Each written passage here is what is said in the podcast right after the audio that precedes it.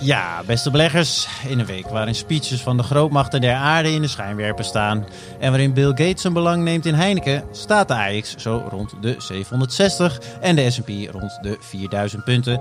Tijd om te praten over beleggen. Dit is voorkennis. Three ways to make a living in this business. Be first, be smarter, or cheat. I don't cheat. Beleggersbelangen presenteert Voorkennis.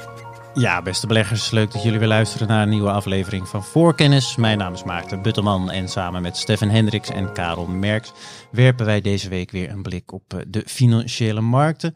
We duiken in een nieuwe, doch bekende privébelegging van Karel. En verder staan we vanuit beleggingsperspectief deze week wat langere tijd stil bij de vele grote en vooral langdurige gevolgen van de Russische invasie die deze week precies een jaar geleden begon. Ehm, zoals altijd echter beginnen we de aflevering met een terugblik. En daarvoor kijk ik uh, deze week om te beginnen Karel aan. Karel, vertel, wat is je allemaal opgevallen deze week? Ja, dat de S&P 500, de belangrijkste beurs op de wereld, beursindex, uh, nog steeds niet helemaal uit de gevarenzone is. Want het gemiddelde van de afgelopen 200 dagen, zoals 200 days moving average, stikt nog steeds elke dag een nieuwer, lager punt aan. En ik zag ook weer eventjes uh, eergisteren, dinsdag, uh, de S&P onder de 4000 punten duiken. Dus we zijn nog steeds uh, in een spannend beursklimaat. Uiteraard is het ook te zien uh, aan de FIX, de volatiliteitsmeter. Die uh, hm. staat op de hoogste stand van de afgelopen twee maanden. Dus het begint allemaal weer wat uh, onrustiger te worden. Waarom? De... Waarom? Oh, dank wat, ja. wat een mooi ezelsbruggetje.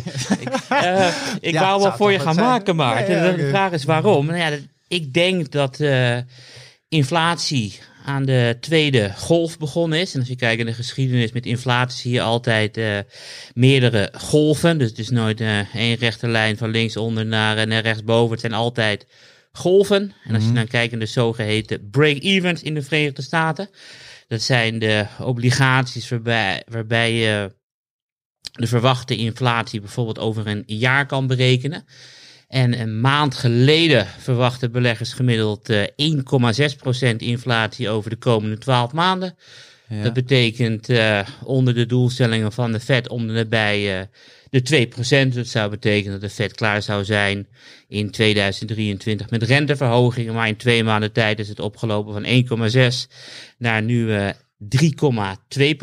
En wat is de daadwerkelijke is dat ook nu 1,6 is toch veel hoger allemaal? Het is verwacht, dus het is wat wordt verwacht. Dus uh, en nu is het 3,2. Dus Wel, dat betekent okay. dat, dat uh, vandaag 23. Zei je? Dat is toch laag in vergelijking met Europa? Of zeg ik dan hele gekke dingen? Je zegt hele gekke dingen. Uh, ah, ah, dat mag. Wat, wat, het gaat natuurlijk over de verwachting. Dus ik kijk niet terug, maar ik kijk uh, dus vooruit. En 23 februari is het vandaag. Dus die 3,2 is de verwachte inflatie tussen 23 uh, februari 23 en 23 februari 24. Hmm. En het moet gewoon naar 2. Het is nu 3,2. Het loopt heel erg op. Alleen het is anders uh, dan de eerste golf. Want de eerste inflatiegolf kwam uh, door de grondstoffenprijzen. En nu zijn het vooral uh, de dienstensector. met loonprijsspiralen en, en dergelijke die het stokje hebben overgenomen. Ja. Dus dit betekent dat beleggers in Europa, maar ook in de Verenigde Staten gewoon extra renteverhogingen gaan verwachten om die inflatie een beetje weer naar beneden te krijgen. En is, is dat een herkenbaar patroon, dat die overgang van uh, grondstoffen naar de dienstensector? Is dat, is dat ook in eerdere inflatieperiodes uh, ook zo gelopen? Moet ik even hardop uh, gaan nadenken. Op het moment dat je kijkt naar de jaren 70, had je dus in 73 die olieschok. dat was, kwam dus ook uit grondstoffen. En volgens mij was het daarna inderdaad uh, uh, ook een loonprijsspiraal. En ik weet niet of Stefan nog andere voorbeelden uit de geschiedenis kent. Nee, maar dat is denk ik ook een mechanisme, Maarten. Dus je gaat dan van grondstofintensieve sectoren naar um, sectoren die uh, mensintensief zijn. En als ja. daar de lonen gaan stijgen, dan loopt de inflatie natuurlijk ook op. En komt nog bij, denk ik, Karel, dat we ook misschien een corona-erfenis nog hebben. Dus in eerste instantie veel goederen gekocht tijdens de coronacrisis. Ja. Toen alles weer open kon. Ja, dan gaan we dus weer dingen doen in plaats van uh, producten kopen. Ja. Ja, en dan krijg je natuurlijk weer dat, uh, ja, dat daar zijn eigenlijk meer mensen voor nodig, denk ik. Hè? Dus wat je ziet is volgens mij, Karel, hebben we het ook eerder gehad over de, uh, de tarieven van scheepvaart, hè, containers. Ja, minder goederen vervoerd. Die tarieven gaan allemaal hard omlaag. Je ziet volgens mij ook bij de commentaren van Musk dat terug. Ja, en dan krijg je dus de meer arbeidsintensieve sectoren. Ja. ja dus het is, een, een vast patroon uh, nu met de corona erbij uh, in de mix in dit specifieke. Klopt, dus wordt de komende maanden wordt het nog veel interessanter. Hm. Want zoals je weet, uh, begin december is de Chinese economie open gegaan. Ja. En afgelopen week vrijdag uh, maakte de Chinese centrale bank bekend dat nog nooit zoveel geld uh, in het bankensysteem uh, had gepompt. Dus ze zijn duidelijk de economie aan het stimuleren om gewoon weer lekker op gang te komen na drie jaar lockdowns. Ja, en mhm. China is nog altijd de grootste importeur van grondstoffen ter wereld. Het is het meest bevolkte land ter wereld. Dus het gaat zeker invloed hebben op de wereldeconomie. En ook al vaker in deze uitzendingen voorbij gekomen hebben we het dan gehad over uh, de surprise indices. Mhm. En dat is het verschil tussen de gemiddelde analistenverwachting en de uitkomst uh, van de werkelijke cijfers. En als je dan kijkt naar de Global Surprise Index, en daar valt uh, 80% van de wereldeconomie onder. Die is nu bijna elke dag uh, een nieuwe high aan het maken. En dat betekent dus dat elke dag de economische cijfers een stuk beter zijn dan wat de gemiddelde inflatie, uh, gemiddelde verwachting van de analisten is. Ja, en zo'n aantrekkende uh, Global Surprise Index laat ook zien dat het iets, ook wel een factor is om rekening mee te houden met inflatie, deflatie. Want meer economische activiteit is inflatie. Oké. maar dan gaat de komende maanden, komt dat tot uiting. En, en nog even voor mij, wat is de inflatie in Europa nu dan? Als die zoveel. Uh, nou ja, de core is uh, 5,3 werd vandaag uh, bekend. Ja, dat is toch wel aanzienlijk hoger dan, dan de VS uh, met, uh, wat zei je? Ja, nou ja, drie of? Ja, maar drie, kijk, kijk, core betekent dus de prijzen over de afgelopen twaalf maanden. Ja. En de VS gaat het over de verwachting van de komende twaalf maanden. Ja, oké. Okay. Fair enough. Dat verklaart. Kijk, en heel veel mensen kijken achteruit. Ja, het is best gevaarlijk autorijden uh, achter, door de achteruitkijkspiegel. ja, dat is het zeker. Oké, kom zo nog even terug bij jou. Ik wil nog één dingetje kwijt, hè? Ja, ja, dat weet ik. Daarom zeg oh, kom zo terug bij Dat is de leukste van allemaal. We eindigen met Charlie Munger. Ik ga een beetje spoilen. Week, maar ja, I know. Daarom, dus dan sluiten we mee af. Is, is ingecalculeerd dit allemaal. Stefan, ja, we hebben je al heel even gehoord. Leuk dat jij er ook bij bent. Wat jou me opgevallen deze week? Nou, is in de categorie wat treurige nieuws. Laagste koers ooit van Credit Suisse. Ooit? ja, um, ik weet niet of je dat al een beetje gevolgd hebt, maar uh, problemen ook weer met uitspraken van de topman over wel of geen uitstroom van vermogen in de bank Credit Suisse. Uitspraken gedaan rond uh, de uh, claimemissie die in december is gedaan. dat viel niet zo heel erg goed. Um, Intel dividendverlaging. Helemaal geen dividend zelfs van de ECB die hun cijfers bekend hebben gemaakt. Maar goed, dat is een beetje wat mij betreft in de categorie kleiner nieuws. Ja. Misschien het volgende wat ik heb is voor sommige mensen ook wel kleiner nieuws, maar ik volg dat iets meer. En dat is het um, vertrek van Linde uit Europa. Nou, behandeld hier. Behandeld hier in deze podcast. Dus uh, medio januari voor degenen die het niet geluisterd hebben. Uh, ik kan me bijna niet voorstellen, maar voor degenen die het niet hebben gedaan. Medio januari hebben de aandeelhouders van Linde uh, voorgestemd voor een voorstel om de beursnotering in Frankfurt op te heffen en alleen in Amerika genoteerd te zijn. Dat betekent dus dat Linde dus verdwijnt uit de DAX 40, verdwijnt uit de Eurostox 50 en verdwijnt uit de Stocks Europe 600. Ja, als er eentje verdwijnt, dan moet er ook er eentje bij. Ja. Dus de vraag was, wie wordt dat? Nou, de afgelopen weken in Duitsland was dat de vraag, wordt dat Rheinmetall of wordt dat Commerzbank? In Duitsland, inderdaad, in de DAX 40 is het de Commerzbank geworden. Nou ja, dan ga je naar de Eurostox 50. Daar is het Unicredit geworden. Ook weer een bank. En in de Stox 600 Sinch uit Zweden, waar ik verder nog niet van had gehoord.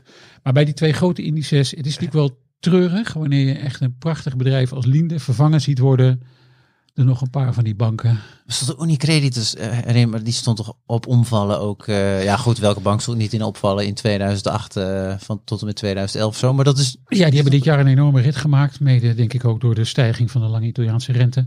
Wat gunstig is voor hen. Um, okay. Ja, het is echt treurig. Dus de Linde verdwijnt, beurswaarde 150 miljard. En als je dan DAX 40 belegger bent, dan krijg je dan zo'n hopeloze Commerzbank weer voor terug, voor 13 miljard.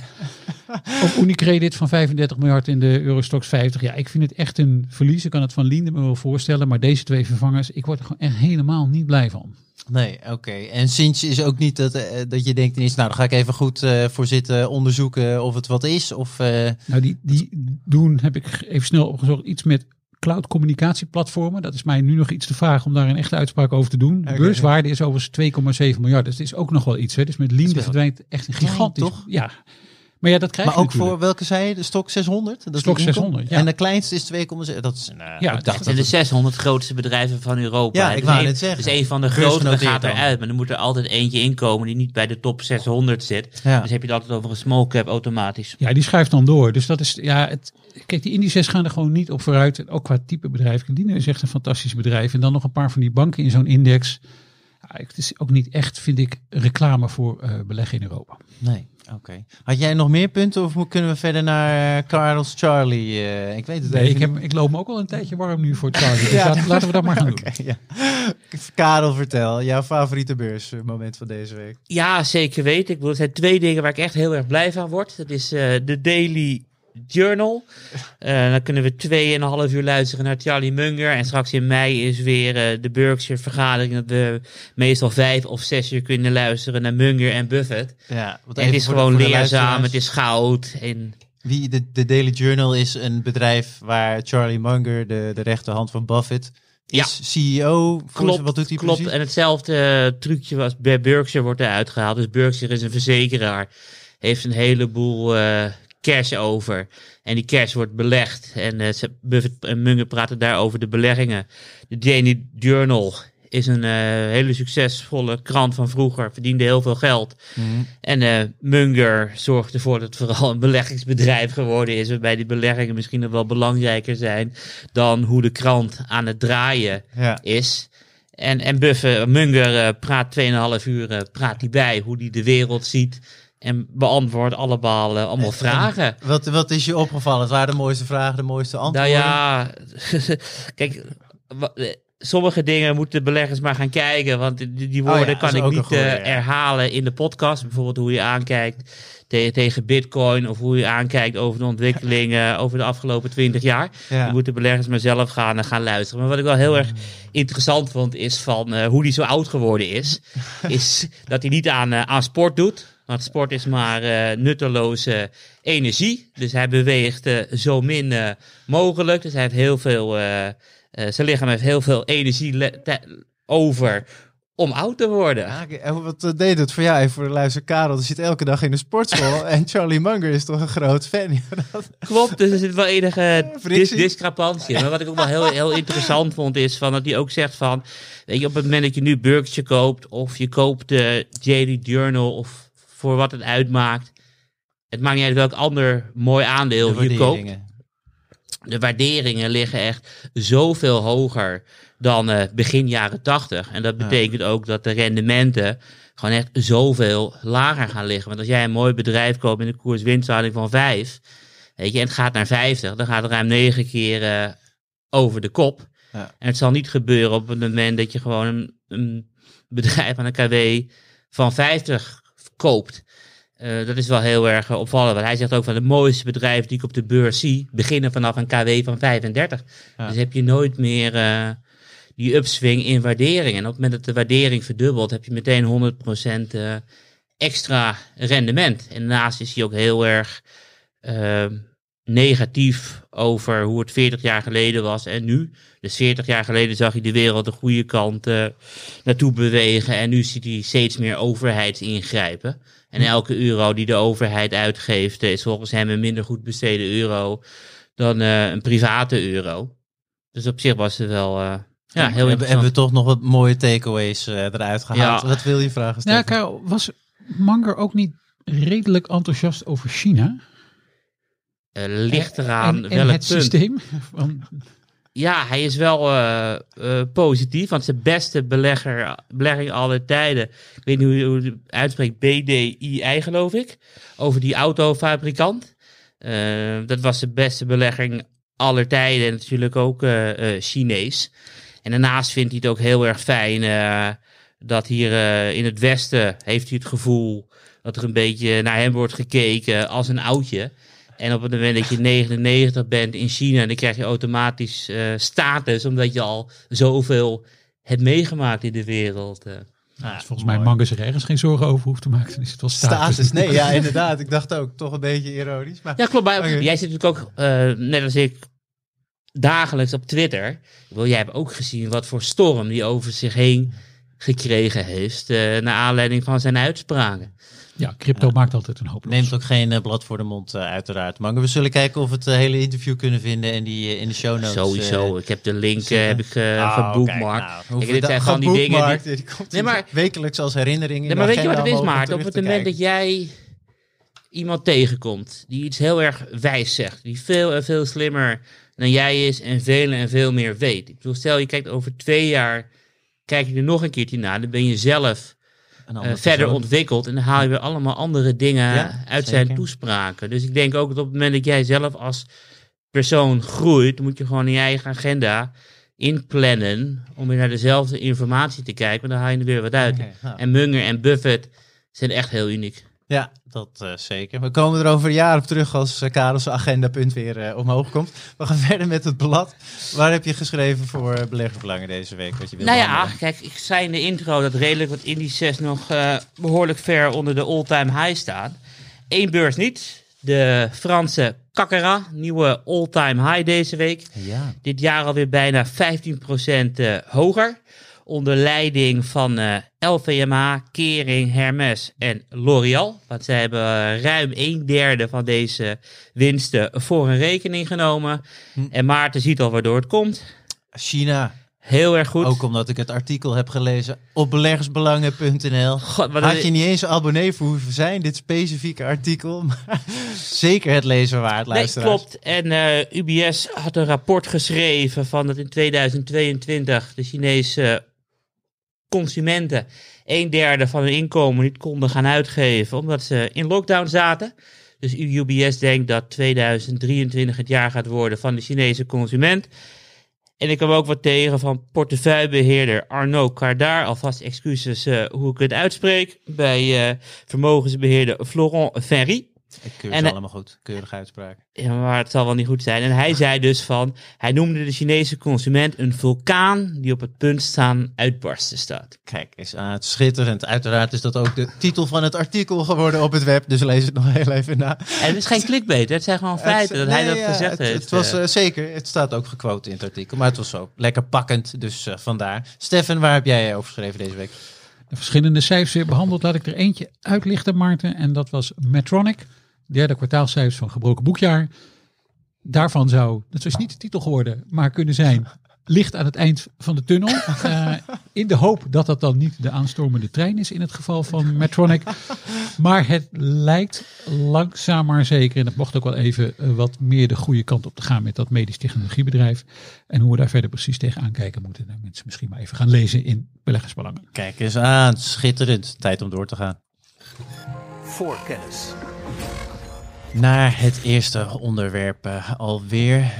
Um, het wordt iets korter dan de volgende, maar voor beleggers zeker niet minder interessant. Op 25 mei 2022 van het vorige jaar, logisch dus blijkbaar, zoals ik nu mijn tekst teruglees, bood Karel namelijk een interessante beleggingsinstrument aan de beleggers. Uh, destijds eindigde het, ik het gesprek met de vraag wanneer we op dit onderwerp terug zouden komen. En toen zei Karel, dat kan zijn bij A, als ik het fout heb, of B, als ik de druk verder zie oplopen. En ik denk zomaar, Karel, dat het B uh, is geworden. Neem de luisteraar heel even mee, waar gaan we naar kijken? Ik uh, ben helemaal vergeten dat ik dat gezegd heb, Maarten. ik bedoel wel goed dat je even je huiswerk uh, gedaan hebt. Inderdaad, ik denk uh, dat dit echt het moment is om een speculatieve, laat ik het zomaar eventjes noemen, want het is geen officieel ja. beleggersadvies. En ik doe dit met mijn eigen geld. En ik raad niemand aan om het te volgen. Oh, mooie disclaimer. Was het einde van de podcast? Leuk bedankt nee, voor nee, nee, maar, nee, maar serieus. Ik denk dat de Italiaanse rente gaat stijgen. Mm. Even een heel snel sommetje op de achterkant van een bierveeltje. De Italianen hebben 2000 uh, miljard aan schuld. En een kwart hiervan uh, loopt af in uh, 2023 en 2024. Dus er moet uh, bijna 500 miljard worden hergefinancierd. Poeh, dat is veel denk ik in twee jaar tijd. Ja, klopt. Dus je kijkt, vanaf 2015 is de tweejaarsrente nou ja, een groot gedeelte van de tijd onder nul geweest. En er zijn zelfs jaren geweest, zoals 2021, waarvan de gemiddelde tweejaarsrente op min 0,7% heeft gestaan. En dat betekent dus, als je het erover hebt van bedragen van uh, bijna 500 miljard, dat je elk, miljard, elk jaar uh, een paar miljard uh, cadeau krijgt van de financiële markt, omdat je geen rente betaalt, maar rente krijgt. Mm. Inmiddels is de Italiaanse rente zeer sterk aan het oplopen. Dus we zijn van min 1 zijn we uiteindelijk bijna in één rechte lijn van linksonder naar rechtsboven in twee jaar tijd. Van min 1 dus naar uh, eh, 3,5 procent gegaan. Ja. ja, en als je even een rekensommetje gaat maken, dan kwam ik erop uit dat er zo'n 20 miljard extra rentebetalingen aankomen. Mm Ja, wat is, heb ik gekeken, de Italiaanse begroting. Het is zo'n tegen de 1000 miljard. Ja, 20 op 1000 is 2%. Nou ja, dat betekent gewoon dat op het moment alles wordt doorgerold, dat je procenten moet bezuinigen of procenten het begrotingstekort uh, moet laten oplopen, wat Europa uiteraard uh, ook niet wil hebben. Nee. En nu wil ik eventjes verwijzen naar uh, de intro. Toen hadden we het over de Europese core-inflatie. Hmm. Die is opgelopen tot 5,3% vandaag. Nou ja, daarmee kan je er dus vanuit gaan dat de ECB veel meer gaat doen. Nou, als de ECB veel meer gaat doen, loopt ook uh, de korte rente verder op. En dan wordt het herfinancieringsprobleem van Italië een heel stuk, uh, stuk groter. Ja. Weet je, en het lijkt me ook niet zo 1, 2 duidelijk dat de inflatie gaat dalen. Want er zijn genoeg scenario's te vinden dat die nog veel hoger gaat. Denk bijvoorbeeld aan China, wat open gaat. Denk bijvoorbeeld uh, dingen die in de, in de oorlog in Oekraïne verder kunnen escaleren. Bedenk eraan dat we komende zomer weer uh, onze aardgasvoorraden moeten aanvullen. Nou, afgelopen zomer uh, was één land met heel veel geld, of één gebied met heel veel geld. Dat was Europa. Die kocht elke LNG-tanker op de wereld op om gas, aardgas naar Europa te brengen. Weet je, en het aardgas kan nu ook wel eens naar China gaan. Die gaat ook lekker mee concurreren. Dus de ECB gaat veel meer doen. Dat betekent dat de rente verder omhoog gaat. En dat betekent dat het uh, probleem om her te financieren nog groter wordt. Ja. En waarom ik ook denk dat, deze grafiek zal ik ook in de show notes zetten, waarom het een mooi moment is. Je ziet juist dat de markt nu denkt, het gaat allemaal wel meevallen. Dus je ziet het verschil in rente tussen. Het uh, opvallend dat iedereen nu een beetje weer positief uh, gestemd Ja, ja, maar ook als je gewoon kijkt naar Europa, naar de surprise index, maar dan alleen Europa. Mhm. Die stond dus min 100 vorige zomer. Uh, twee weken geleden stonden we plus 100. Ja, nu zijn we al, toch altijd plus 70. Dus Europa draait heel erg positief. En als je dan kijkt naar die Italiaanse rente, nou ja, um, ruim 2,5 procentpunt hoger dan de Duitse rente in de herfst. Ja, kijk, nu is het nog maar 1,9, eh, dus 100 procentpunt. Dus, ja. dus de markt heeft er nu heel veel vertrouwen in. Ja, en ik denk... Jij ziet uh, gewoon kredietrisico's. Kredietrisico's. Ik zie überhaupt zie ik de rente in Europa ook wel wat verder oplopen, wat de ECB meer gaat doen. Dus mijn standaard scenario is de ECB gaat meer doen en het loopt op. Weet je. En dan kan er altijd nog zijn dat de markt gaat twijfelen van hé, hey, Italië is toch wel uh, een probleemgeval. Ja. En dan kan het weer groter worden, weet je. En ik bedoel, er was in december een topje bij 2,2 ten opzichte van Duitsland. En we hebben dus 2,5 behaald vorig jaar. Dus ik denk van ja, we kunnen best wel weer terug naar die standen. Ja. En dan heb je toch wel over leuke koersstijgingen. Weet je, en ik heb ook... Het ging inderdaad snel, het product. Ik zal de ISIN-code in de show notes uh, zetten voor uh, de luisteraar die het wil checken inderdaad. Maar dan zie je inderdaad dat die, uh, het onderliggende product inderdaad echt vrij snel stijgt. In die, uh, goed, het was ook een ongekende rentestijging die natuurlijk gebeurde. Maar... Ja, klopt. Alleen de vraag is wanneer uh, ga je erin? Ja. en vorig dacht ik, het is heel interessant en de prijs is ook, ook wat hoger. Alleen toen, hoe zeg je dat? had ik voor mijn eigen geld had ik andere plannen. Ja. Weet je, en nu denk ik van, hé, hey, nu wil ik het. Dus ik bedoel, de luisteraar die het gevolg heeft, uh, staat op een mooie winst. Weet je, en ik uh, lopen er achteraan. En we zullen straks nog met de discussie van Steven zien dat ik vaker te laat ergens ga. Uh. Ja, nou, dat is vast een mooi bruggetje. Denk je aan over een half uur ongeveer, ja, klopt, beste luisteraar. Dan, en dat is, is, er is één, uh, één risico. Voor op het moment dat beleggers denken van... Uh, ik weet dat het 100% mijn eigen risico is, maar ik wil het toch doen. Hm. Ik heb ook een poll gehouden van de week op Twitter. En die zeiden van, ja, hoe kijken jullie tegen eraan? Weet je, en, en het merendeel reageerde van, van pas op. Want op het moment dat het echt misgaat uh, in Europa, dan gaat gewoon de ECB weer massaal staatsobligaties van Italië ja, dat, kopen. Want, dat was toen een van jouw koopargumenten, dat ze op de rem uh, ging trappen en dus minder ook staatsobligaties gingen opkopen destijds. Ja, klopt. Maar je hebt dus twee dingen. Uh, de ECB, belangrijkste doel is inflatie om de nabij de 2% houden. Mm -hmm. Maar het wordt nooit gezegd, maar ik denk dat het allerbelangrijkste doel van de ECB is financiële stabiliteit in de eurozone. En op het moment dat we net als in 2011 of 12, wanneer het ook weer was bij de eurocrisis, dat die rente naar 7, 8, 9 procent gaat heel erg snel. Ja dan moet je er al lang uit zijn. Want dan gaat de ECB echt massaal ingrijpen, ongeacht uh, de inflatie. Goeie kanttekening. Ik ga ook heel even, eh, ga ik toch ook Stefan uitkijken. De vorige keer namelijk dat we het over dit product hadden. Oh nee. Toen zat uh, collega-specialist Menno aan tafel. En had ik tegen Menno gezegd van, nou Menno, hoe kijk jij nou naar dit product? En had hij ongetwijfeld gezegd, ah, joh, ik, ik, heb niks met die rentetroep. Maar Stefan, die heeft daar wel wat mee, de allerwaarschijnlijk. En hoe kijk jij hier tegenaan? Oh, ik ben wel opgelucht. Ik dacht inderdaad heel even dat je nog allerlei uitspraken van mij ook. Nee. Van die, uh... nee, nee, nee. Kan ik wel hoor, voor de volgende aflevering, luisteraars. Maar... Nou, gelukkig ga ik binnenkort even met vakantie, dus dat komt goed uit. Um, nou ja, kijk, de, dat punt staat natuurlijk van minder inkoop van staatsobligaties. Dat gaat natuurlijk wel wegen. Heel interessant vind ik dat van, hè, we krijgen natuurlijk heel veel research binnen, ook hm. over dit soort uh, economische uh, onderwerpen. Ja, interessant vind ik dat wel dat eigenlijk Griekenland steeds meer als een maar, meer solide ja. betaler wordt gezien dan Italië. En dan kom ik nu in verschillende um, rapporten kom ik dat tegen, mede ook door de aard van de uh, Griekse economie, waar bijvoorbeeld toerisme ook uh, van belang is. Ah, Ja, die staan er misschien dan toch nog wel beter voor dan Italië. Nou, je ziet die Griekse tienjaarsrente, nou, die ligt ook aardig bij de Italiaanse tienjaarsrente okay, in bus, zelfs er ietsje onder, volgens mij. In ieder geval toen ik uh, ja, gisteren, eergisteren keek.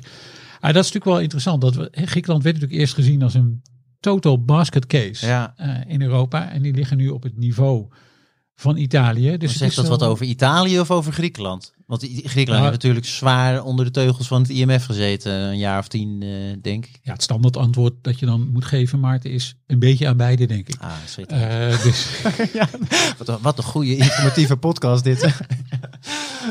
nee, ja, klopt een beetje bij. Ik ben nog wel, Karel, naar jou ook benieuwd. Uh, hij noemt wel heel veel Griekenland. We zelf ook benieuwd. Destijds was toen ook Spanje en Portugal werden volgens mij allemaal genoemd. Jij hebt wel specifiek voor Italië gekozen, omdat grootste schulden van die landen of nog een ligt eraan hoe je, het, hoe, hoe je er uh, naar kijkt. Sowieso uh, um, absoluut.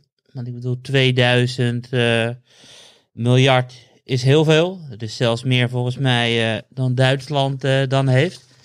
Dus ik denk dat Italië, pin er niet op vast, 11 of 12 procent van de euro zone-economie heeft en bijna een kwart van de schuld. Oké. dus het is echt heel erg groot. En als oh, je dan kijkt naar de afgelopen jaren, dan zie je de verhouding tussen schuld uh, en economie zie je helemaal oplopen tot uh, ruim 150 uh, eh, procent.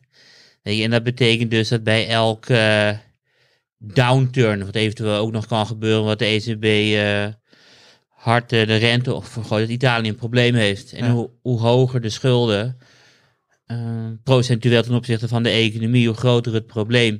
Want ik had dit al voorgerekend dat er een paar procent uh, extra uh, rentebetalingen zijn ten opzichte van de begroting. Maar, maar wat nou op het moment dat er weer een Europese recessie komt, die altijd weer een keertje gaat komen. Hmm. Dan is het dus de inkomsten dalen, wat er minder belasting is. De uitgaven stijgen, wat er meer uitkeringen zijn. Hmm. En dan nog dit eroverheen. Ik bedoel, als je als particuliere belegger Italiaanse staatsobligaties wil vasthouden, dan ben je een uh,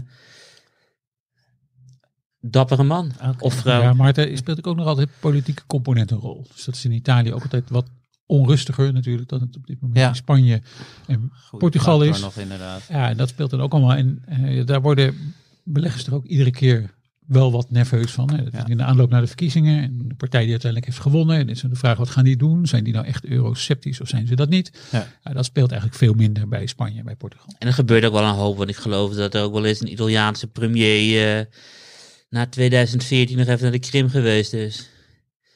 Na 2014? Voor mij was het uh, Berlusconi... Die dacht, ik ga even langs. Ja, ja, nou, en dan denk je van, ja, dat, trek je toch je wenkbrauwen. Ja, ja, dat vormt nu ook al wat onrust in voor elke belegger en zeker niet voor een grote obligatiepartij is dat uh, fijn uiteraard. Nee, zeker. Je ziet nu al, ook alweer wat onrust in de Italiaanse coalitie. Dus, dus dat, dat blijft ook altijd wel in het achterhoofd van beleggers zitten. Was het nou één kabinet per jaar sinds de Tweede Wereldoorlog gemiddeld of zoiets? Het was echt... Ja. Dat is wel een heel heftig getal hoor. Oké, nou dus goede gegronde reden in ieder geval om naar uh, Italië te kijken. Voor de luisteraars nogmaals, ik zet iets in uh, van het product in de show notes. Voor kennis. Want we gaan uh, door naar het volgende, tevens het laatste onderwerp. En dat betreft dus de oorlog in Oekraïne. Het is deze week een jaar geleden dat Rusland het buurland binnenviel. En het wordt met de week eigenlijk duidelijker dat één, deze oorlog niet heel snel voorbij zal zijn. Maar twee, dat de oorlog met al zijn uh, politieke gevolgen ook zorgt voor een impact op de financiële markten, die ook alsmaar groeiende is en ook steeds meer sectoren en bedrijven uh, raakt en gaat raken. Um, ook als belegger kan je, uh, ook als je zelfs niet bijvoorbeeld in de defensiesector wil beleggen, niet om deze oorlog heen. en bovendien is een oorlog van deze impact en schaal voor veel beleggers ook eigenlijk onbegonnen terrein. Um, want ja, dit is gewoon lang niet meer gebeurd. Ik denk dat het ook voor jou geldt, uh, Stefan. Of zeg ik dan hele gekke dingen? Ja, we hebben natuurlijk wel eerder oorlogen en beurs meegemaakt. Dus golfoorlogen hebben we gehad. En de oorlog in wat dan uh, voormalig Joegoslavië wordt genoemd. Mhm. Maar daarvan was de impact toch altijd wel wat anders denk ik, dan deze. Dus de, deze oorlog op Europese bodem is wel heel erg groot van omvang. En heel erg ingrijpend. En dan met name natuurlijk heel erg ingrijpend in alles wat te maken heeft met energie. Uh, eigenlijk aardgas prijs geleid, kun je wel zeggen. Um, de afgelopen twaalf maanden, ja, wat natuurlijk opvalt, is dat er een groot aantal dingen zijn gebeurd, denk ik, waarvan je ja, als belegger eh, twee, drie jaar geleden echt nooit gedacht had dat ze zouden gebeuren. Nee. Volgens mij was in Duitsland het uh, woord van het jaar, geloof ik, in 2022 Zeitenwende. Een uh, begrip dat samenhangt met een speech die bondskanselier Scholz in februari heeft gehouden, waarin het hele Duitse defensiebeleid op de schop ging. Ja, Echt een, een waterscheiding moment waarin Duitsland ja, wakker schrok, zou je bijna kunnen zeggen. Ja. Van uh, decennia lang een beetje schuilen onder de Amerikaanse defensieparaplu. En dan nu opeens toch wel veel meer zelf moeten doen. Dus het was in die, in die sector dat een heleboel gebeurde. Als je eigenlijk op, op beursniveau kijkt, de afgelopen twaalf maanden neemt, dan mhm. is er in, bij de brede indices ja, niet zo gek veel gebeurd eigenlijk. Dus um, de Europese stocks 600 nou, is een procent of twee in de plus. De S&P 500 is ongeveer 5% in de min. Dus als je die cijfers ziet over de afgelopen 12 maanden, dus een dag voor de inval in Oekraïne tot nu, valt het wel mee. Maar binnen sectoren en, en op sectorniveau is natuurlijk wel een heleboel gebeurd. Nou, je hebt net al defensie genoemd. Misschien komen we daar straks nog even over te spreken. Mhm. Eh, interessant is wel dat de als je kijkt naar welke aandelen hebben nou echt heel erg goed gedaan de afgelopen twaalf maanden, dan is dat in de VS vooral energie. En daar staat trouwens nog bovenaan First Solar met meer dan 150 procent. Ja, inderdaad. Ja. Uh, duurzame energie, zullen we dat noemen. En verder heel veel olie. Kijk je naar Europa, dan zijn het uh, echte defensiebedrijven die top zijn. Dus dan kom je bij, uh, uit bij Saab, 165 procent, Rijnmetaal, uh, meer dan 150%, Hensoldt 126%. Dat zijn echt de Europese uitblinkers. Als ik op sectorniveau kijk waar die oorlog nou echt een enorme impact heeft gehad, dan vind ik de, de grootste impact toch wel zitten in de nutsector. Ja. Uh, daar zijn natuurlijk echt dingen gebeurd de afgelopen twaalf maanden die werkelijk uh, helemaal niemand had voorzien.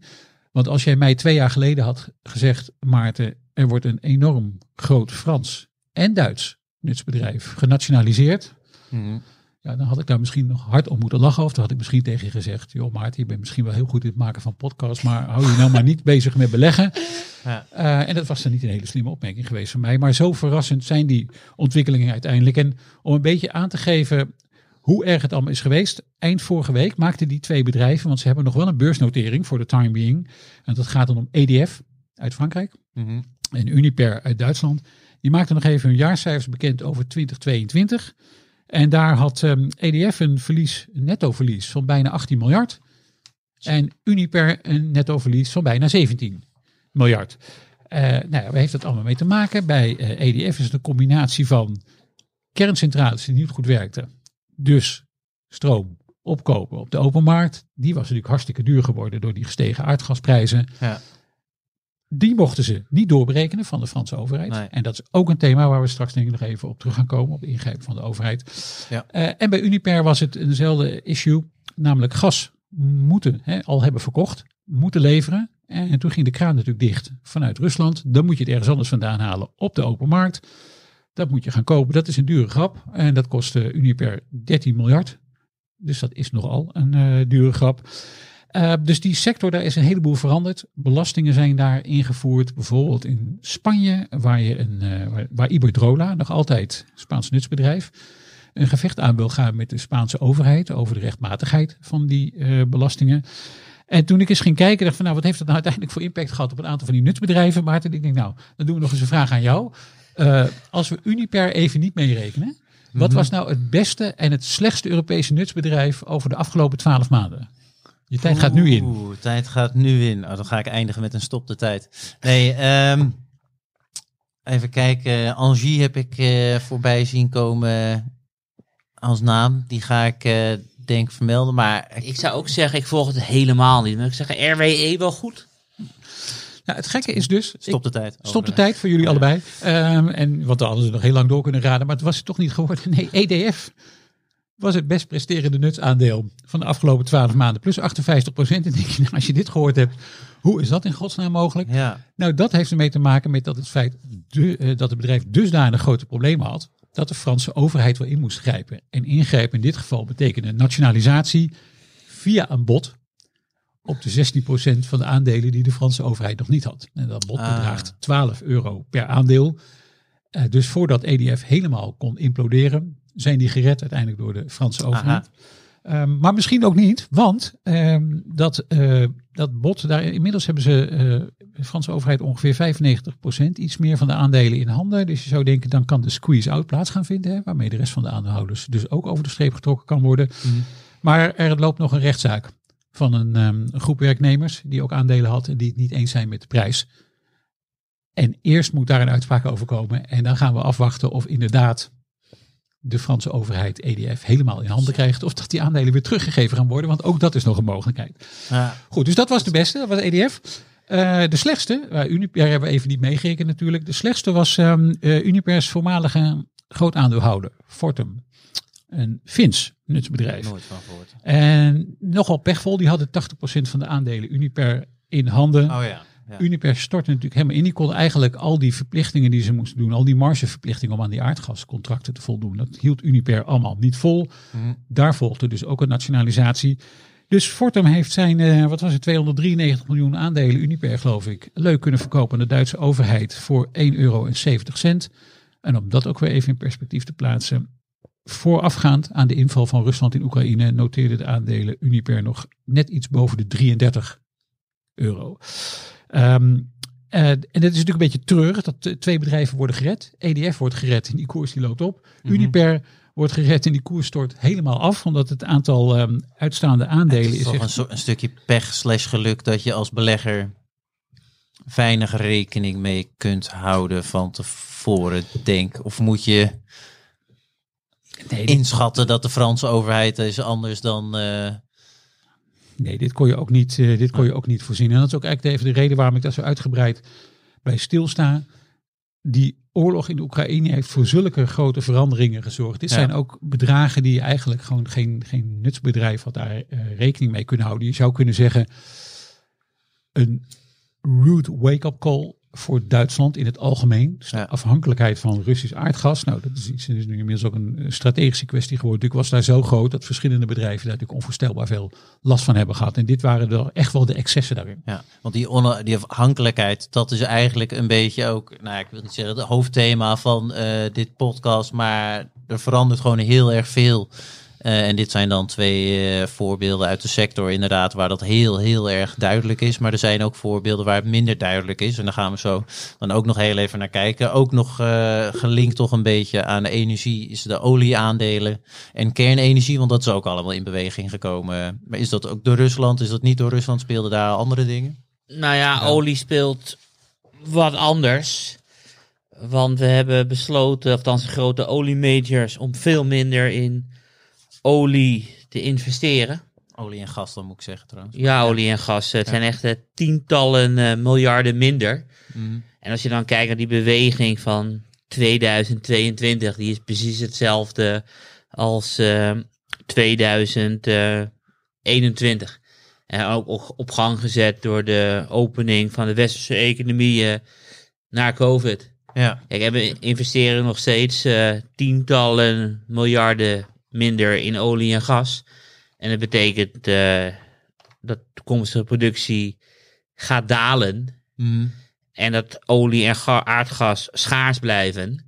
En dat die tientallen miljarden per jaar die niet worden geïnvesteerd, die worden gewoon overgemaakt naar de aandeelhouder. Oké, okay, dus daar we, andere kijk, dingen. Spelen andere dingen. Ik ja. we hebben heel snel gezien dat, dat de olieprijs naar 140 ging eind februari uh, door de inval. Ja. Maar ja, we zijn nu inmiddels uh, op 75. Ja, en alsnog dus, staan de aandelen torenhoog uh, en zijn de winsten gigantisch. Ja, ja wat, je, wat je wel ziet voor die sector ook, die olie- en gassector, geldt natuurlijk wel dat net zoals bij de nutsector, de overheid daar ook, en dat is een terugkerend thema denk ik van deze um, oorlog, de overheid een wat grotere rol gaat nemen ja. in verschillende sectoren. Dus er komt ook druk op die oliebedrijven. Nou, we hebben nu al maatschappelijke druk gezien, natuurlijk bijvoorbeeld op Shell. Hè, dus dan worden die cijfers bekendgemaakt en dan eh, is er gezegd hoe belachelijk hoeveel winst maakt Shell wel niet. En ondertussen moeten mensen aan de pomp heel veel geld betalen voor hun benzine. Dat kan toch niet samengaan. In Frankrijk, als ik me niet vergis, werd gisteravond, geloof ik, de topman van Total Energie die dacht ik op televisie had gezegd dat Total voor de rest van dit jaar, ik kijk ook eens met een schuin oog naar Karel die Total volgt, volgens mij de prijs aan de pomp in Frankrijk onder de 2 euro wil houden voor benzine en voor diesel, als ik me niet vergis. Een gewaagde uitspraak. En ja, dat, ja, en dat zal niet uit de lucht komen vallen, nee. uh, denk ik dit zo. Dus je krijgt ook al bedrijven die misschien wat vrijwillig. Maar ze zijn de boel voor. Misschien de boel voor ja. willen Kijk, zijn. Vergeet niet van op het moment dat jij uh, wereldwijd uh, 50 miljard overhoudt aan investeringen die je niet meer doet. Mm. En je geeft 5, 6 miljard uiteindelijk als sector of 7 of 8 of 9 of straks misschien zelfs 10 miljard terug aan overheden. Mm. Je houdt nog altijd 40 miljard cash over voor aandelen, inkoop en uitkeringen van dividenden. En als je dan kijkt naar uh, bijvoorbeeld de waarderingen weet je, van, van, van Total en van dat soort bedrijven, die zijn wel uh, heel erg laag. Dus gewoon single uh, digits. Ja. Dus er zit wel een enorm uh, margin of safety in. En als je, als je kijkt naar de vrije kaststroom ten opzichte van de totale beurswaarde bij Total, is het ruim 20%. Dus het betekent dat je als aandeelhouder binnen vijf jaar je volledige aankoopbedrag terugkrijgt door middel van de vrije kaststroom. Dat is echt uh, enorm. Dus er zit al in die koersen dat er ook al miljarden weer worden ingeleverd. En voor de duidelijkheid, ik ben uh, privé heb ik Chevron, of uh, Chevron heb ik, maar waar we het nu over hebben, ik heb ook Total Energies. Dus ik maak me als aandeelhouder geen zorgen. Goeie Helemaal omdat, het een, omdat hij een fantastische topman heeft. Oké, okay. daar komen we ook nog op terug, want jij wilde ook nog dus de oliesector, het is goed iets zegt, dus is wel iets wat van invloed, maar minder dan wat ik in ieder geval dacht. De industriesector, zei jij eerder, Steffen, dat is ook een sector die heel hard uh, geraakt wordt. En daar had ik zelf in ieder geval niet 1, 2, 3 meteen uh, bij stilgestaan. Wat, wat is daar gaande? Ja, de energieintensiteit van die sector speelt natuurlijk een rol. Dus een van de belangrijkste partijen daarin is BASF. En BASF zei bij de derde kwartaalcijfers al, ja, productie in Europa wordt gewoon echt ontzettend duur. Dus wij verwachten dat die energieprijzen in Europa gewoon langdurig hoog blijven. Mm. En dat betekent dat wij gewoon dus heel erg goed moeten gaan kijken hoe wij in Europa produceren. Want het zijn dus niet alleen dan de energieprijs die hoog blijven, maar wat dan ook nog een rol bij speelt is Europese regelgeving en de behoefte. En die heeft ook een versnelling gekregen door de oorlog in Oekraïne. De behoefte aan, uh, aan een versnelling van die duurzame energietransitie in Europa. Waar bijvoorbeeld, dat was eigenlijk ook nog een onderwerp waar we het over hebben gehad voorafgaand uh, van deze podcast. Waardoor bijvoorbeeld ook de kosten voor CO2-uitstoot oplopen. Hmm. Dus voor echte industrieconcerns die hier in Europa veel produceren, is het ook nog maar de vraag: ja, hoe gunstig is het nog om hier te blijven? En moeten we de blik niet ook een beetje wenden naar andere regio's waar we misschien goedkoper kunnen produceren? Het is in ieder geval voor een gigant als Bas F. dus wel een enorm probleem. Ja, oké. Dan hebben we die op sectorniveau inderdaad gehad. Dan zat je zelf uh, gaf je zelf al heel even verder aan dat er nu ook dan verplaatsingen zijn uh, van productie. Uh, en dat, dat is een thema dat nu verder speelt. Dus even van hoe nu verder. Ja, dat is, dat is eigenlijk, Maarten. Reshoring was de term. Dat is nu reshoring en dat heeft niet noodzakelijkerwijs, kan wel, maar niet noodzakelijkerwijs te maken met die aardgasprijzen. Maar dat is eigenlijk meer een gevolg van de geopolitieke ontwikkelingen. Ik vind dat een vreselijk begrip om het zo te zeggen, maar dat dekt het in ieder geval wel af. En dat betekent waar wil je als bedrijf zijn? Dus in ja. uh, Duitse handelsblad, Duitse krant, verscheen een heel lang artikel over Siemens. Waarbij ook Siemens en aandeelhouders van Siemens zeiden, nou misschien is het toch ook wel verstandig om de blik een beetje te gaan verleggen naar de VS. Om een paar redenen. In de VS hebben we natuurlijk die Inflation Reduction Act gehad, hè, met die enorme investeringen onder meer in uh, duurzame energie. Mhm. Waar voor Siemens natuurlijk ook veel te halen is. Maar ook om niet te afhankelijk te worden van China. Want daar is men toch ook wel een beetje van geschrokken. Dus het zijn ook strategische keuzes die bedrijven maken. Uh, we hebben het in de podcast al eerder gehad, bijvoorbeeld ook over de productie van halfgeleiders. Ja.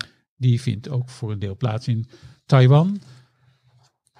Oplopende spanning tussen China en de VS over Taiwan. Betekent misschien dat die productie dan maar weer wat dichter bij huis gehaald moet worden. Dus dan worden er opeens halfgeleiderfabrieken, of ik zeg opeens, maar er worden er meer investeringen gedaan in halfgeleiderfabrieken in de VS. Waarvan ik in eerste instantie, hebben we natuurlijk ook in de aanloop naar deze podcast gezegd, voor een aantal van de bedrijven die bijvoorbeeld ook zelf in portefeuille heb, nog enigszins nerveus was. En toen later dacht, nou ja, dat betekent dat de productiecapaciteit gewoon uitgebreid wordt en dat die bedrijven hun, hun afzet hebben in de VS en in Europa in plaats van in China. Ja.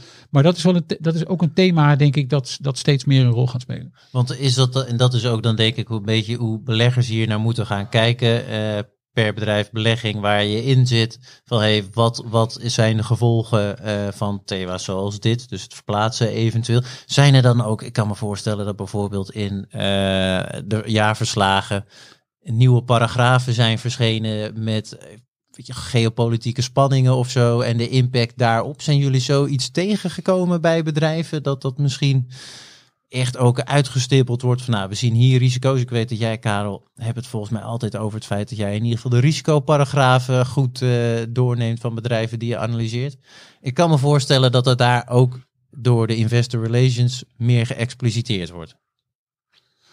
Nou, dat roept in ieder geval ook vragen op bij beleggers. En het, het zou ook in ieder geval vragen bij jou als belegger zelf moeten oproepen. Want voorafgaand aan de inval van Rusland in Oekraïne, ik hadden heel veel beleggers zich niet heel erg verdiept, vermoed ik. Uh, en laat ik het anders gewoon bij mezelf houden. Dat ik zelf misschien niet genoeg verdiept had in sommige risico's die je loopt. Mm Dus om nog even bij Bas F te blijven. Je hebt dan een olie- en gasdochter met gigantische Russische activiteiten. Ja, dat is een tijd lang, maak je je daar verder helemaal niet druk over. Sterker nog, denk je, is het nog wel interessant voor Bas F. Want die hebben een soort natuurlijke hedge. Ze gebruiken veel olie, maar ze hebben zelf ook een olie- en gasdochter. Dus dat betekent dat als die prijzen stijgen, dat eigenlijk Bas F in ieder geval redelijk uh, gehedged is. En nu zie je een heleboel bedrijven hun Russische activiteiten terugtrekken. En dat was natuurlijk een tijd lang, ja, dan je je helemaal terugtrekken uit een land of je activiteiten dan maar bijna achterlaten. Um, dat is misschien gaat er wel een beetje ver. Maar dat blijkt dus helemaal niet zo ver te zijn. En dit was Rusland. En dat is qua markt misschien nog wel te doen. Het wordt pas echt vervelend wanneer er zaken in uh, Azië gaan spelen, waar je als belegger want een, over na zou moeten denken. Want China en, en Taiwan en Korea zijn natuurlijk van een, economisch gezien van een geheel andere orde ja. dan Rusland. Van de Russische markt kun je in ieder geval nog zeggen, nou ja, dat is dan als markt relatief klein. Uh, het is als, als grondstoffenmarkt wel groot, dus het, dat was voor Bas even een tegenvaller bijvoorbeeld. Maar dit soort geopolitieke consequenties, dat is toch ook wel iets waar je als ja, belegger toch voor je bedrijven misschien toch nog eens even goed naar moet kijken. En, en wat zijn de mogelijkheden nou van die bedrijven? En ook zoals dat bijvoorbeeld inderdaad, voor mij was deze week erg gelezen, dat Rusland nu ook of een topambtenaar was in China voor overleg, dat dat soort uh, gesprekken grotere gevolgen kunnen hebben. En dat je dan ook inderdaad goed uh, naar je aandelen en beleggingen daarvoor moet kijken. Heb jij ook nog, Karel, specifieke bedrijven, beleggingen waarvan je 1, 2, 3 aan denkt? Nou, daarvoor is de situatie wel echt 1, 2, 3 flink veranderd. Ik weet ook dat je, je zit ook bijvoorbeeld in een Polen-ETF, volgens mij, als ik het goed zat. En die wordt nu toch ook wel benoemd. Klopt, ik heb uh, een omslagartikel geschreven in 21 onder andere over, over Polen, inderdaad. En dat is een heel uh, interessant land om te volgen. Ja. De waarderingen zijn echt van alle eerste wereldlanden de laagste van allemaal. En het is het land ter wereld wat procentueel meeste uitgeeft aan defensie. Dus zelfs nog meer dan uh, de Verenigde Staten. Dat is op 5, nog wat uh, procent uh, zitten. Ik kan me voorstellen dat daar dan ook door de ontwikkelen zoals dit, daar dan ook de boel flink anders wordt. Ik was ook nog benieuwd naar een specifiek voorbeeld wat jullie zojuist al ook benoemden.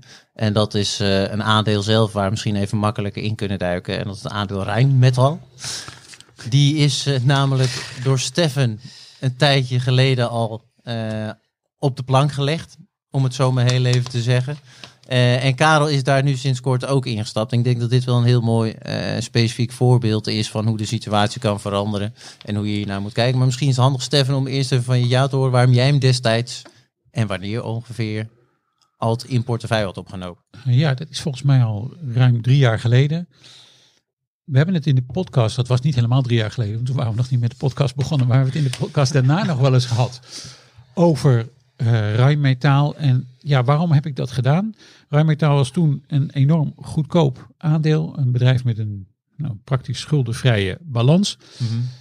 En in mijn gedachten, want Rijnmetaal is een producent van bijvoorbeeld tanks en van munitie. Dat zijn eigenlijk de belangrijkste activiteiten. En ook nog van legertrucks.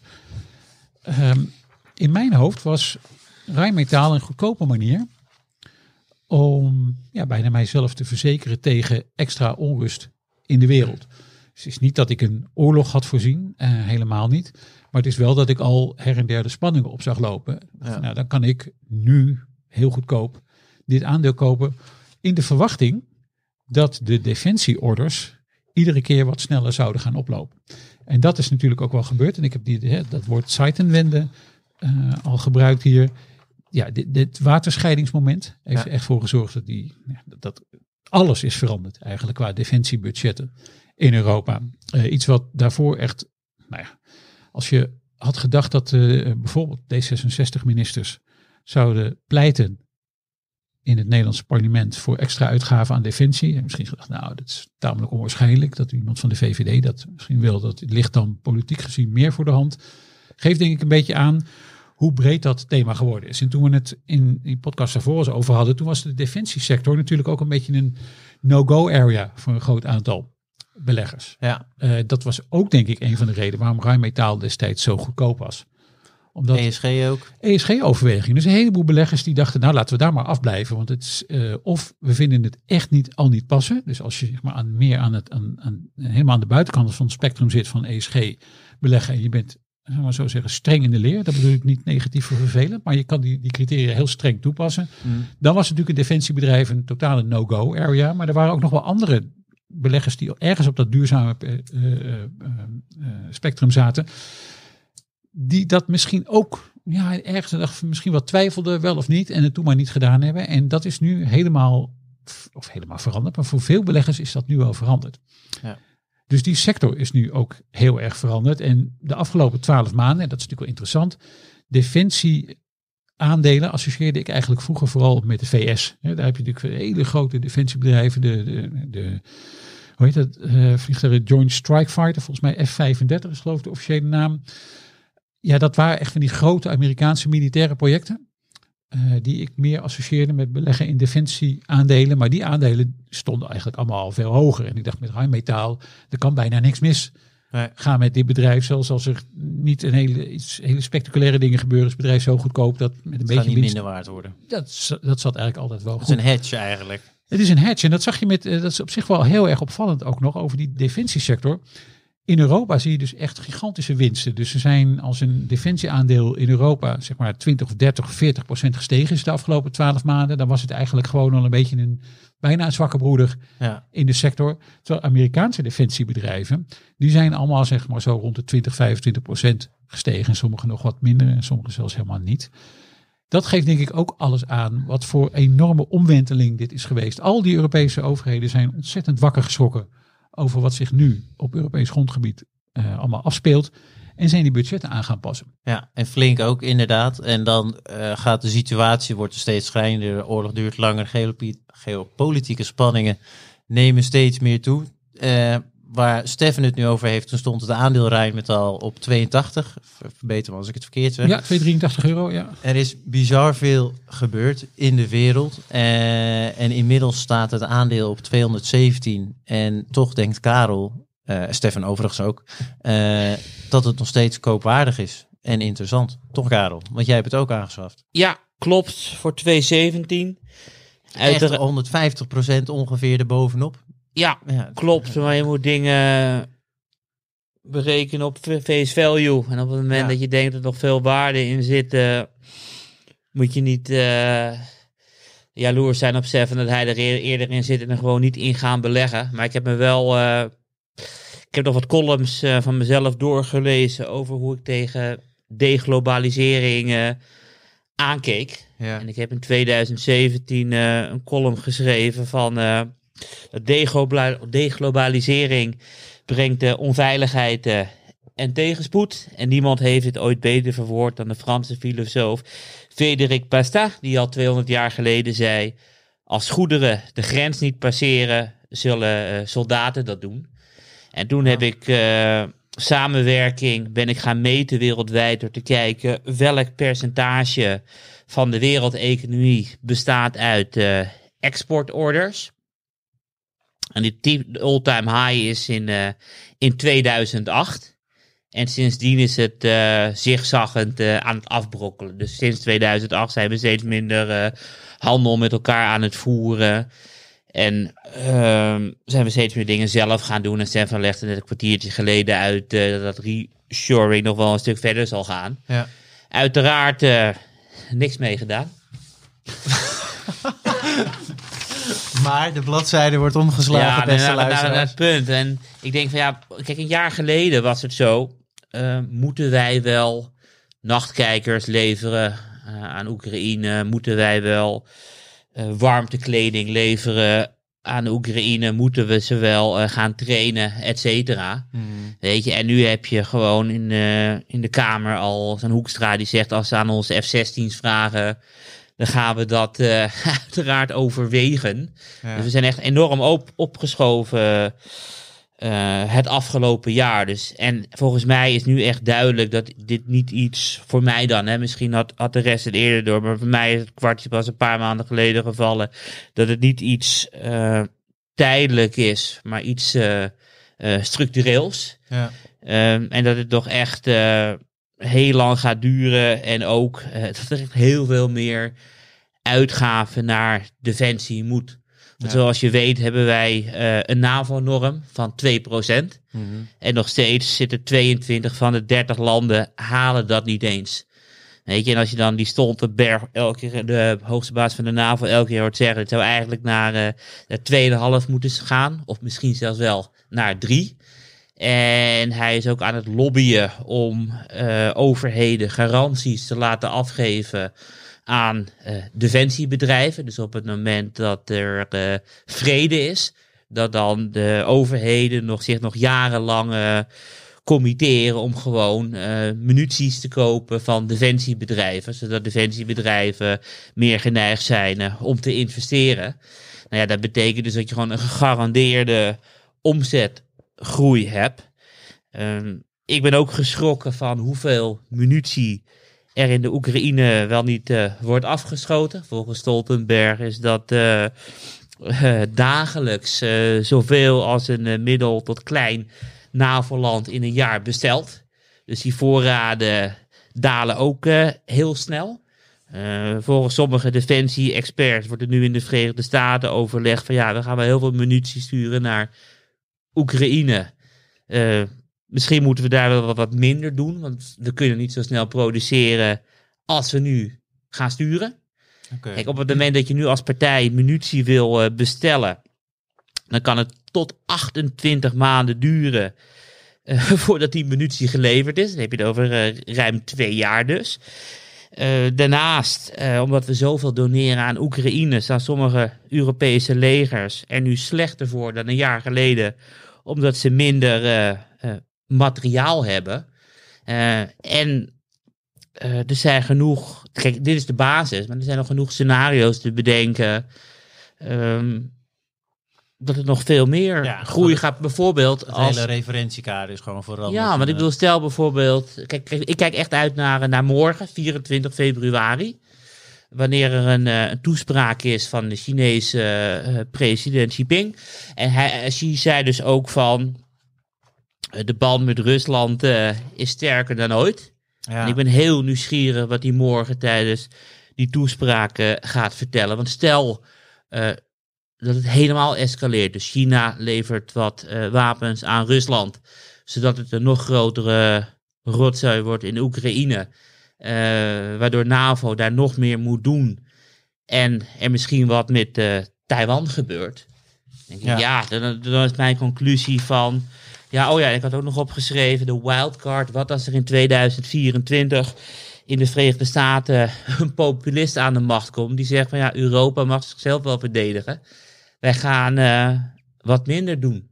Oké. Okay. En, heb je het nog niet eens over uh, wat gebeurt er als er bijvoorbeeld een recessie komt. Weet je? Want wij in Europa zijn toch redelijk goed het afgelopen jaar uh, doorgekomen met een energieplafond. En op het moment dat je werk had, kwam de middenklasse wel vooruit. De onderklasse heeft het heel erg zwaar.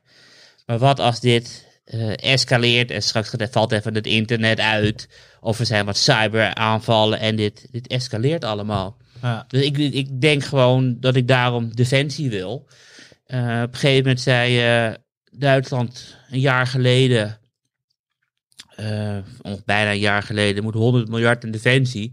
Toen schoot Rijnmetaal in één keer uh, naar de 225. Daarna is het naar beneden afgebrokkeld.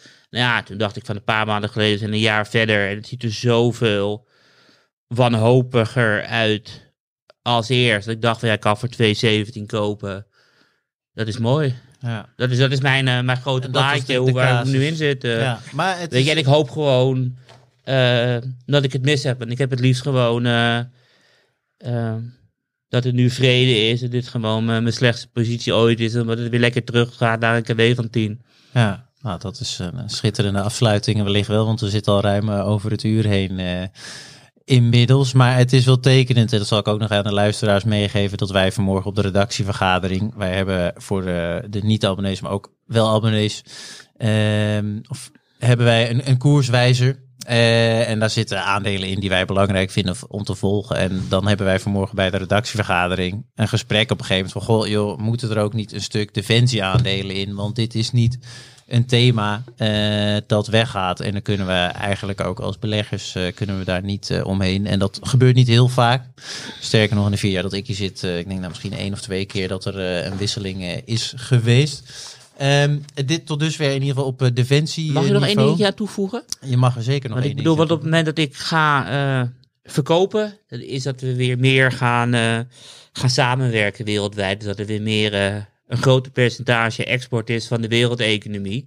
Alleen het treurige is dat die trends in globalisering en deglobalisering extreem lange, lange trends zijn. Dat kan je allemaal halen bij bij eh, de, de, de Wereldbank. Die heeft het vanaf 1800. En je ziet heel duidelijk tussen 1800 en 1910 dat de wereld alleen maar meer met elkaar gaat samenwerken.